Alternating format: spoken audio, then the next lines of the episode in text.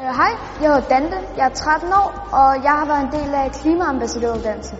Det går ud på, at vi får en hel masse unge, som går i 7. klasse, til at komme ud og lære omkring, hvad klimaet ligesom er, hvad, hvad problemet er, øh, som vi har lige nu, og så får de selv en opgave og prøver at ændre verden. Jeg har oplevet en hel masse nye ting. Jeg er blevet mere sikker på, hvad jeg snakker om, når jeg taler om klima. Og jeg har, jeg har oplevet en rigtig meget rigtig fede ting. Jeg har fået en hel masse nye venner, en hel masse ting, som jeg ser på en helt anden måde, og en hel masse ting, som jeg nu ved, hvordan jeg skal gøre, og nu ved jeg, at jeg kan gøre tingene.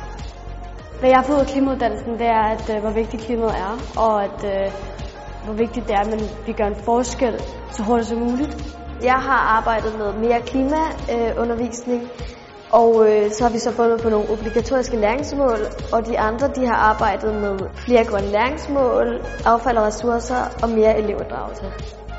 Jeg har haft grønne læringsrum.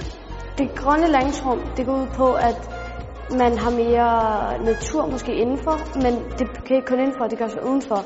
Hvis man går udenfor og laver noget undervisning.